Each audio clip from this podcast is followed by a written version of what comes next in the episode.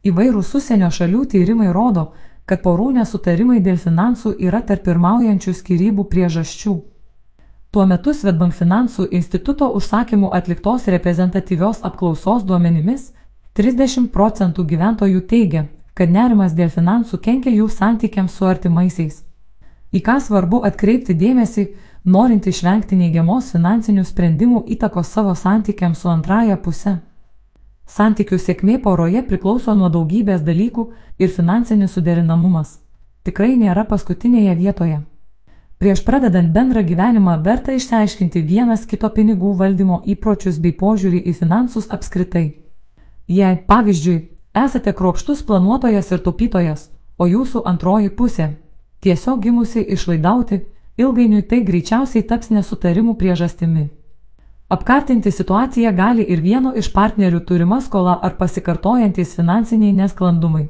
Todėl jei žmogus jums yra brangus ir su juo matome santykių perspektyvą, apie tai reikėtų pasikalbėti labai atvirai.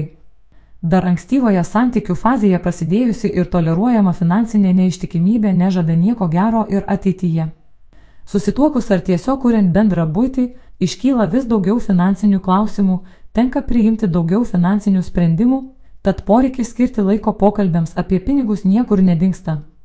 Sprendimai dėl biudžeto valdymo, bendros ar atskirų sąskaitų, asmeninių ir bendrų pirkinių, trumpalaikių bei ilgalaikių poros finansinių tikslų turėtų būti priimami bendrų sutarimu. Žinoma, siekiant, kad finansai taptų santykių sąjungininkų, o ne priešininkų, svarbu ne tik kalbėtis, bet ir laikytis pasiektų susitarimų, vienodai stengtis dėl bendrų užsibrieštų finansinių tikslų. Ne viena pora gali patvirtinti, kad sėkmingas bendrų finansų valdymas užtikrins ne tik finansinės ramybės ir saugumo jausmą, bet ir padės išvengti bereikalingų įtampų santykiuose, edukuoti, o ne pirkti vaikų meilę. Kuomet kalba pasisuka apie finansus ir vaikus, verta aptarti du aspektus.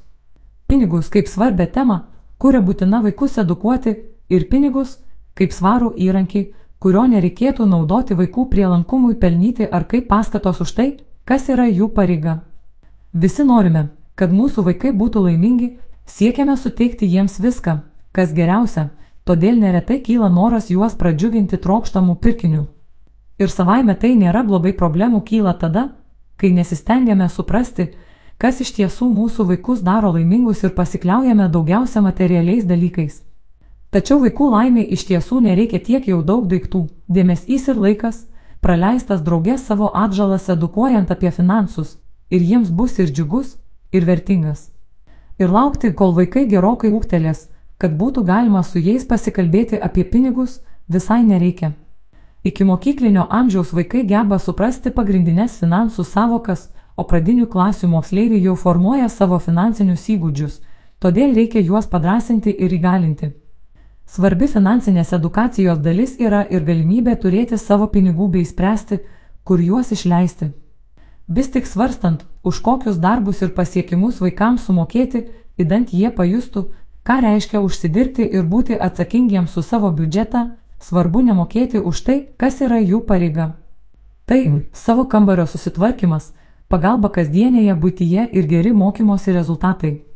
Atlygį verčiu pasitelkti norint paskatinti už netipinius darbus ar papildomą pagalbą, pavyzdžiui, vėjos pjovimą ar pagalbą dažant kambarį. Santykiai su savimi taip pat svarbus. Galiausiai, bet kokiuose santykiuose mums seksis kur kas geriau, kai būsime pozityviame santykyje patys su savimi. Taigi, jeigu mūsų finansinė elgsena, įpročiai ir situacija mums kelia neigiamas emocijas, jaučiamės nesaugus, tai gali kenkti tiek mums patiems, tiek mūsų ryšiui su kitais žmonėmis. Tam, kad sukurtume sveiką santykį su pinigais, turime aiškiai įsivardyti keletą dalykų. Kokia finansinė elgsena ir padėtis yra mūsų siekiamybė ir kokios šiuo metu mūsų įdingos finansinės nuostatos ir praktikos trukdo tai įgyvendinti. Paprastai didžiausia nerima mums kelia tokios situacijos, kuomet jaučiamės pilnai nekontroliuojantys savo finansų. Nesame tikri, kur dinksta mūsų pinigai Ar turėsime pakankamai lėšų mėnesiui baigiantis? Nesame sukaupę rezervo netikėtoms didesnėms išlaidoms.